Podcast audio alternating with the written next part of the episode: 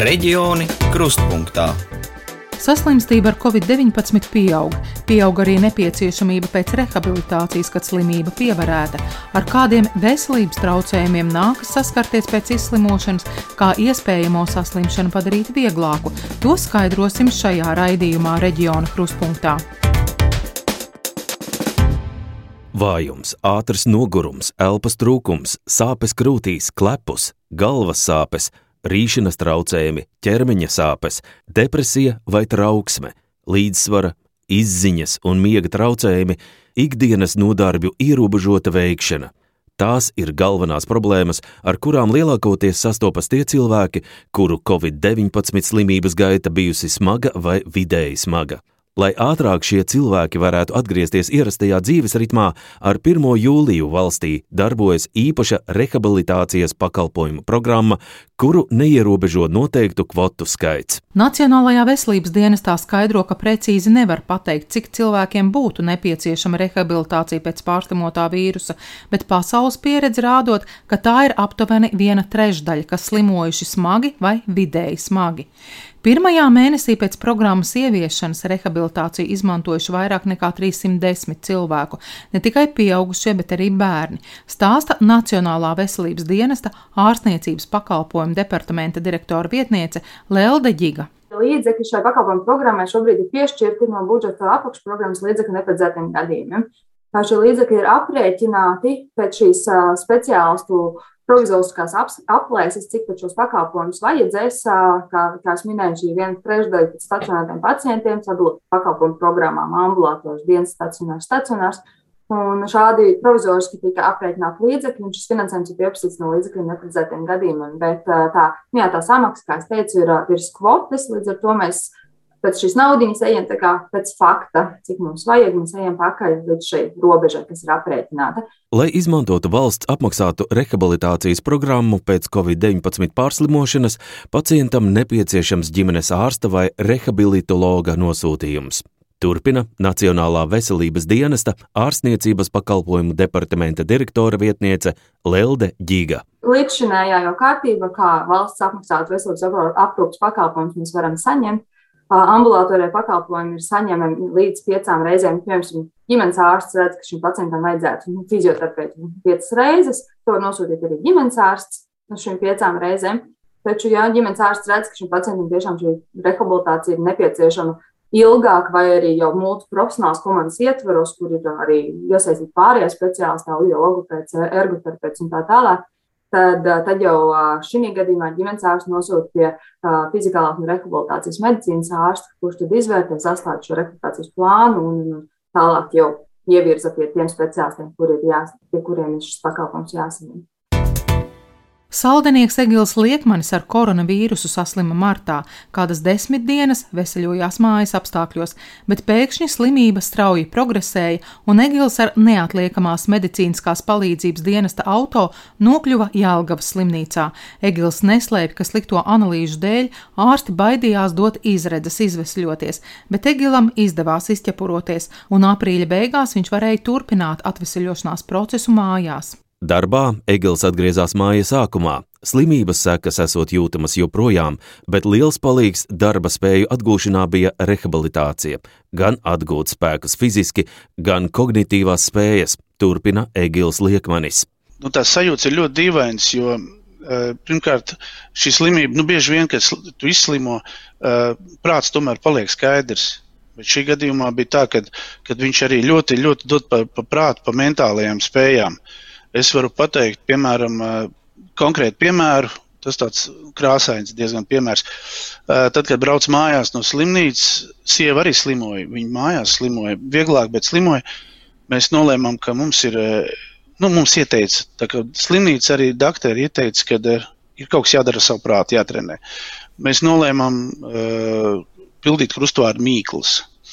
Un uh, iedomājieties situāciju, ja, jo jums jau tā uztvere ir tāda nu, kombinēta. Jūs iedomājaties zemeni, jūs momentā zinat, kā viņa garšo, jūs zinat viņas krāsu, jūs zinat, kāda ir krāsa, kad viņa ir negatava, jūs zinat, uh, kā viņa izskatās. Bet, piemēram, ja jums ir krustvārdu mīkla, kurai ir malā uh, attēls un tur ir virsū cūciņa, un jums jāatrod vieta, kur to ierakstīt, ka, tas, ka tā ir cūciņa. Jūs varat pateikt, kādos apstākļos dzīvo cūciņa, jūs zinat, kā runā cūciņa, bet jūs nezināt vārdu cūciņa. Jūs nevarat atcerēties, kā sauc šo dzīvnieku. Tāds šausmīgs sadalīts prāts, ir tāds, tā, tāds mākslinieks, migla, kas kaut ko nodala vienu daļu no otras. Mm, un tad vienkārši uh, man ļoti labi ģimenes ārsti ir. Un, principā, viņi to visu uzzinot, viņa, viņa to visu teica, ka jāiet i, trenēties, i, atgūt fiziskās spējas, jo, jo slimnīcā guļot, es zaudēju apmēram 12 kg uh, svara. Un, kā doktori teica, tas ir tikai uz muskuļu rēķina. Un, ja cilvēks, kurš pirms tam teiksim, nekad nedomāja, ko celt, kā celt, jo vienkārši visu ņēma un cēla, gāja, kur vajadzēja skrēja pa kāpnēm, pēkšņi nevar aiziet līdz dārza galam 40 metrus, trīs reizes neatpūšoties, nu, tad tas jau kā, man liekas, pats par sevi liecina, ka tur kaut kas ir jādara. Un tālāk tika iesaistīti doktori, kur deva nosūtījumus. Mēs gājām reizē i, i to ergoterapiju, kur ar rokām stelē klucīši, tā kā maz bērnu bērnu dārzā, spaidījām plastelīnu, veidojam visādas ķiņķēziņas, jo, jo tas ir ļoti saistīts. Nu, Tātad tāds roku kustības nervu signāli ir ļoti saistīti un viņi iet caur smadzenēm. Un, Un līdz ar to tas, tas palīdz. Un otrs, kas ir, tad, kad es uzzināju, ka man nu, ar veselību ir puslīdz teiksim, tā kārtībā, ka man nav ļoti jābaidās, sākam iet arī uz rehabilitāciju, nu, teiksim, tīri fizisko trenēties, jo, jo bija zināms, nu, skaidrs, ka tie muskuļi nāks atpakaļ. Un, ja tā, bet ļoti negribējās, lai būt kaut kādas nesimetrijas, jo, jo, jo kaut kur kāda roka būs stiprāka un kaut kā šķībāk, kaut kas tiks celts un, un varētu būt deformācijas. Līdz ar to mēs tā to apvienojam. Abas praktiski reizē gājam. Kultīdzniecei Ilzē ir 25 gadi. Ar koronavīrusu viņa izslimoja augustā, saslima visa ģimene - gan sešgadīgā meita, gan mamma un tētis, kuriem ir pāri 50. Arī viņa pieņēmusi lēmumu izmantot rehabilitāciju šo lēmumu pieņēma ar tādu domu, ka pēc šīs izslimošanas tomēr ir arī tas klepus, kurš neļauj atgriezties darba tirgu, neatļauj atgriezties savās ierastajās gaitās. Noteikti sāls istaba, to es simtprocentīgi zinu, kad es to ļoti vēlētos, kā arī rehabilitācijas sniegtās iespējas viss. Jo es domāju, ka Kuldīgas slimnīcā šis ir ļoti labs pakalpojums pēc šī visa, kas bijis šo divu nedēļu laikā, nu, tiešām gribās to atbalstu, gribās atgriezties tomēr arī darbā. pilnvērtīgi, nevis ar lielu nogurumu vai ar to pašu klepu. Gan Ilze, gan Egils atzīst, ka vakcinējušies pret vīrusu nebija. Egils stāsta, ka bijis riska grupā un vakcīnai jau bija pieteicies. Diemžēl slimība atnākusi ātrāk nekā aicinājums uz vakcinēšanos. Tagad viņš esot saņēmis jau abas vakcīnas devas. Arī Ilze saka, nepaspējām. Slimība atnāca ātrāk, bet vakcinēties dosies. Nu, pēc šādas izslimošanas noteikti. Paveicies ar ģimenes ārstiem arī tādā ziņā, ka viņi mums zvanīja un interesējās, kā mums iet un ieteica, varētu teikt arī tā, nekad neatteju, jebkurā laikā zvanot. Uzrunātie ģimenes ārsti neslēpj, ka dezinformācija par vakcinēšanos ir tik liela, ka joprojām jāpieliek lielas pūles, lai skaidrotu vakcinēšanās nepieciešamību un to pamatotu no medicīniskā viedokļa. Daudzās ģimenes ārstu praksēs cilvēki individuāli tiek uzrunāti un aicināti uz vakcinēšanos stāsta ģimenes ārste Rūta Eglīte. Šodien man arī pieņemšanā bija vairāk gadījumu, kad jāizstāst, jo ir papildus negatīva informācija. Un tas apgrūtina cilvēkiem ar kritisko domāšanu izvērtēt ka patiesi tas ir vienīgais veids, lai smagi neslimotu un nenomirtu. Neviens ārsts, neviens medicīnas personāla darbinieks taču nevēlas, lai, lai cilvēks iet bojā. Ir jāuzticās ārstam. Ģimenes ārste Armīte Opmane strādā Kuldīgas slimnīcas izveidotajā vakcinēšanas kabinetā. Es arī saviem pacientiem praksē saku, ja es neko nesaprotu no lauksaimniecības, no zemkopības, tad es neju un ar putām uz lūpu telpām, ar lauksaimniekiem nediskutēja par to, kā viņiem vajadzētu apstrādāt laukus. Ja?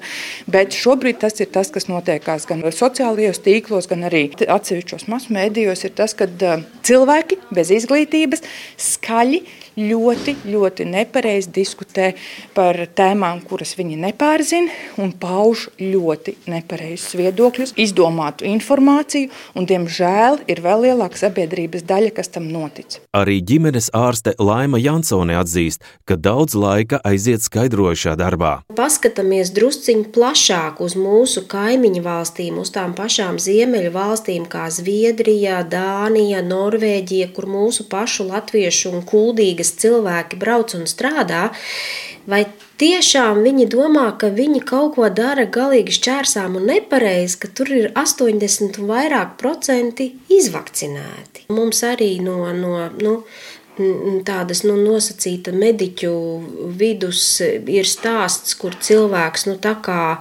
nevēlas, viņam ir savas, savi aizspriedumi vai viņam ir savas bailes, un nu, viņš saķer to covid. Viņš to covid saķer, diemžēl nepavieglo.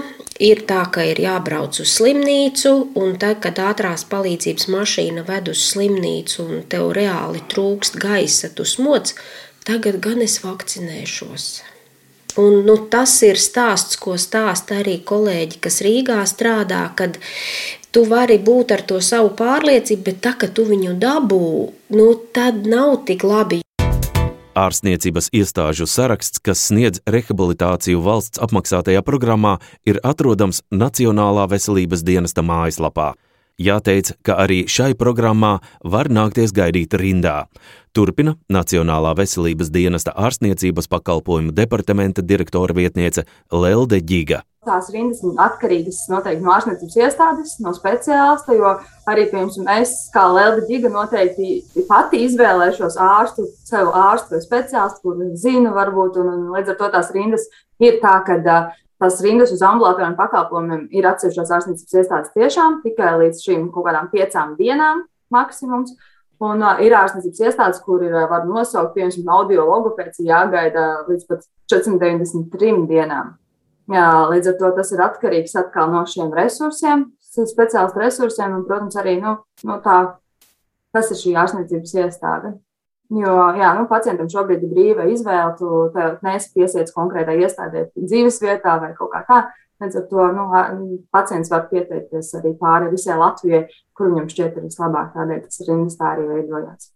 Uzrunātie fizioterapeiti atzina, ka katram cilvēkam, kuram nepieciešama rehabilitācija pēc pārslimotā vīrusa, komplikācijas ir atšķirīgas, tāpēc katram tiek izstrādāta individuāla atvesļošanās programma, stāsta Saldus medicīnas centra fizioterapeite Madara Dzalbe Ķenava. Tad Covid-19 ir interesanti, ka Viņi nav vienā maisā liekami, katram tās sēkas. Vienam man bija ļoti izteikti, ka tās galvas sāpes ļoti ilgi turējās. Vienai sievietei man arī, ka nu, nav izskaidrojums.